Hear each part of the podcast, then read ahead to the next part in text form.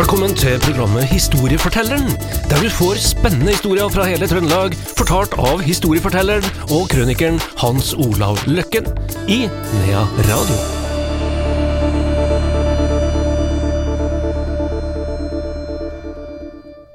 Historiefortelleren i Nea Radio ønsker velkommen, og velkommen også til vår historieforteller Hans Olav Løkken. Jo, takk. takk. Vi har vært i Svølja i ja, mellom uh, Åren og Haltdalen eh, tidligere. Vi skal tilbake for så vidt, ikke så langt unna. Ja.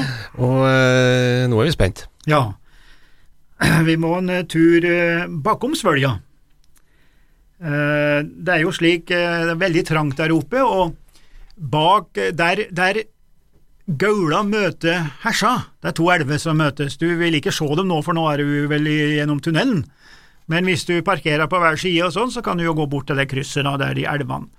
Og tro det eller ei, men også, hvis du klatrer over den åsen på andre sida av, av elva, da, fer over, over den åsen, så kommer du da oppi det de kaller for oppi Morka. Der er det altså et par gårder.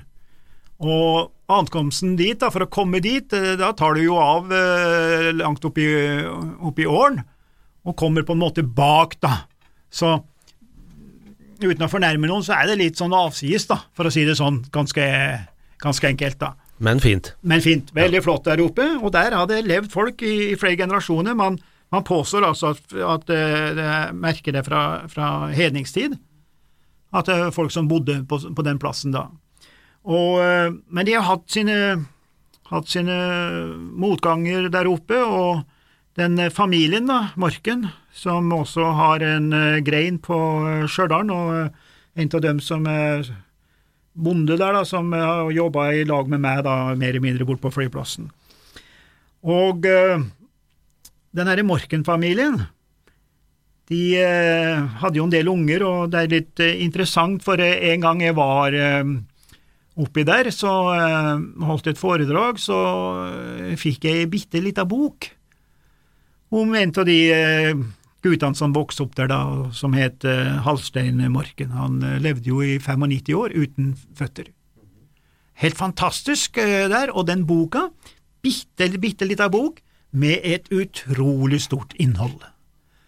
Og den boka er ei sånn bok som du du, du du åpner den, og så blir du så, skal vi si, engasjert i den, at du får ikke lagt den fra deg, og den var da skrevet av en uh, Gudbrand Grøt, da.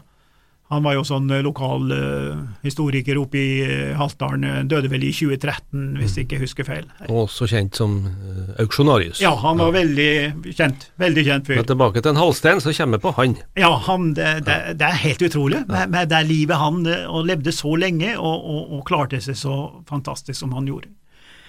Og, men de hadde en del andre ting der oppe, og bestemora og drukna da i Hersa, 53 år, og, og, og bestefaren var som en der, han var jo på, eh, på lasset da, vet du, på, på et hestlass med høyen og sånn, og hesten skvatt vel til, og han datt ned av eh, av lasset og, og knekte vel nakken eller noe sånt og døde. Eh, ja, nei, der fikk eh, polio. Eh, altså, de har ikke fått noe gratis, da, for å si det ganske enkelt. Og eh, på ei stund der på 30-tallet så var de altså fire generasjoner og ni personer i samme hus, da. Det er ikke så store hus der oppe, hvis dere tar og ser på det. Eh, men det er en utrolig hyggelig folk. Veldig trivelig, og i forbindelse med det flyavariet oppe i Svølja, da, eh, med en såkalt Widerøe-fly, så har jo jeg vært der oppe. Jeg har hatt hjelp av eh, han Inge, da. Han har jo vært med og vist meg litt der, og jeg har vært der alene et par ganger og prøvd å lete etter noen deler og sånn. Eh, Jeg ville vel kanskje ha funnet det hvis jeg hadde hatt en sånn eh, metallsak, da, metalldetektor. da.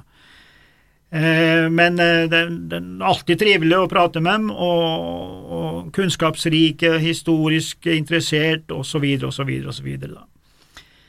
Og før jeg går tilbake til akkurat den plassen, da, så må jeg nevne noe som er ganske ukjent for mange når det gjelder den ulykka i Svølja med det videre flyet. Fordi at eh, oppe på Tolga, der er det en viss forening, skjønner du. Yes, de har en egen liten hangar, Hangar 10 heter den.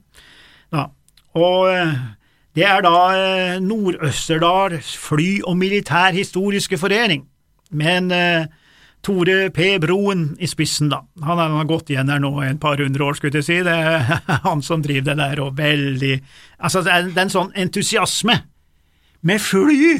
Det går ikke an å komme lenger vekk fra flyet eller opp i Nord-Østerdal, da, men det er vel det som gjør at det blir litt spesielt. da, Man har og restaurert et eh, fly fra krigen og plukka det ned fra langt inn i fjellene der, og utrolig fin gjeng som har litt sånn uh, historiske kvelder av og til, da, så jeg har fått lov til å, å, å være der og prate litt historie og sånn. Og han har funnet altså et uh, ut, uh, utklippsbok eller noe sånt fra en, en, en avdød journalist som heter Paul Moen, fra Tolga det òg, tror jeg. Og da, der nevnes det jo det her med, med Rolf Kirkevåg og Knut Frydenlund som var med, men det er kommet opp, da, eller i den notisen så vises det til en brev fra han Rolf Kirkevåg, som er datert altså 6. mai, da, etter denne ulykka her, er datert, og der han Rolf Kirkevåg skriver takk for brev med tilbud. Altså han skulle opp og holde et foredrag og sånn, da, oppe i, oppe i Haltdalen eller, eller, eller oppe i Øst, jeg vet ikke helt hvor det var, men det står Eh, takk for brev med tilbud, men etter den siste flyulykken i Haltdalen, med det flyet jeg skulle reise til Os med,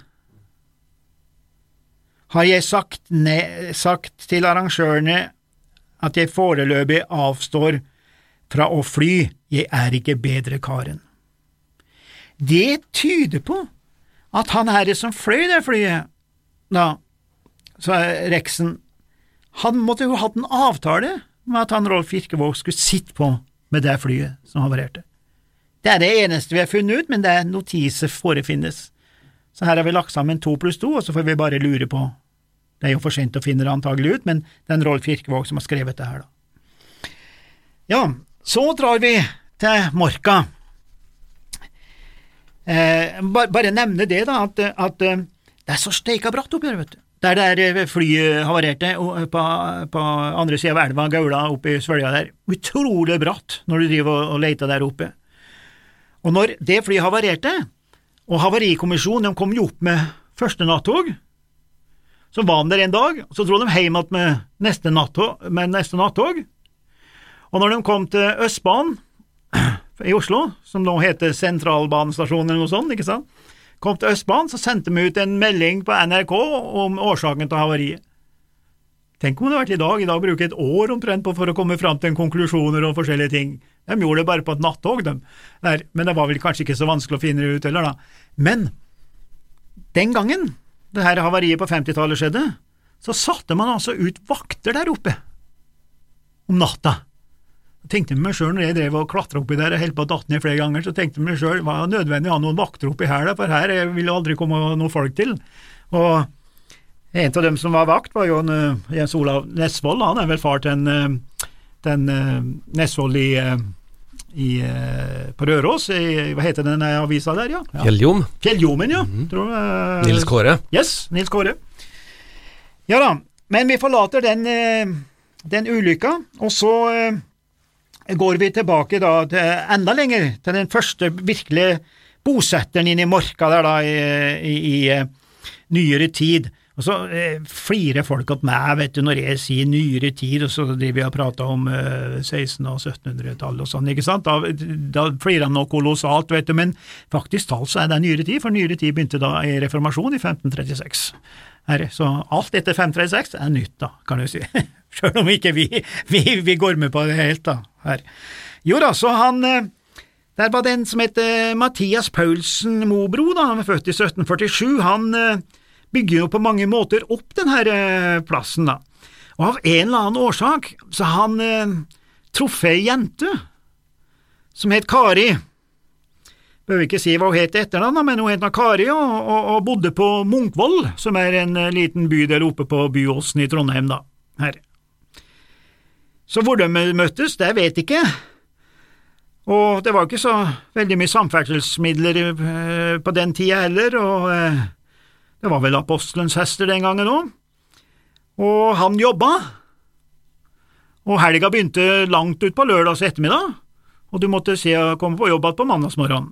Han øh, jobba hos hyttskriveren, da var vel tilknytta noe av det her smeltverksystemet og sånn, da, og sikkert underlagt Røros og alt det der, da. Men han, når lørdagskvelden kom, så dro han til kjæresten på Byåsen. Og ved å dra dit og hjem igjen, så vil det bli 25 mil, det. Ja, skal skulle til å si det var 12-13 mil, ja, Ja, en vei. en vei for å besøke kjæresten. Da er du glad i jenta, altså. Og ivrig. Og ivrig, og enda noen ord, skulle jeg si, på K, men det skal jeg ikke si. Nei. Så, eh, så var det det at han han fulgte ikke den vanlige veien til, til Marka, som du kan kjøre bil i dag, da. For den veien går jo faktisk talt rundt hele Svølja, går helt opp til Åren, og så måtte han ned Gauldalen, da. Så han tok korteste veien, for den riksveien er jo ikke så langt fra Morka, den, hvis du bare lar det falle bent utfor den der eh, åsen, og så kommer du til Gaula, og så var det om å gjøre å komme seg over Gaula. Og der han har funnet det smaleste punktet hvor det gikk an å hoppe, og han var nå altså så sprengt at nå måtte han bare ta korteste veien, så han fant ut at her hopper det. For å unngå kanskje den timen da, som det ville ta å, dra rundt, da. Så han hoppa over der. Jeg har jo vært der øh, flere ganger og tatt bilde av det og skrevet litt om det her og sånn, og jeg vet ikke hva jeg skal si. jeg. Skal jeg tro på det, eller skal jeg ikke tro på det, men eh, det går nok sikkert, hvis du er sprek. Da, og eh, det får jo hver enkelt eh, avgjøre sjøl hvis de går en tur ned med, ned med kanten der, og de vil se det lett, for det er et typisk sånn utspring der da, hvor du tar fart på en stein og litt sånn. da. Sånn er det, var det den gangen, og sånn er det i dag, da. Og han eh, tok på eneste veien, og i dag så kaller man altså det spranget da for Mattis-spranget, på han her eh, karen som eh, Ja, jeg tror nok han oppnådde det han ville, for eh, han eh, satte i hvert fall unge på ho på Munkvollen den gangen. Det var historia i dag. Takk, Hans Olav Løkken. En ny historie får du her i Nea Radio neste uke til samme tid.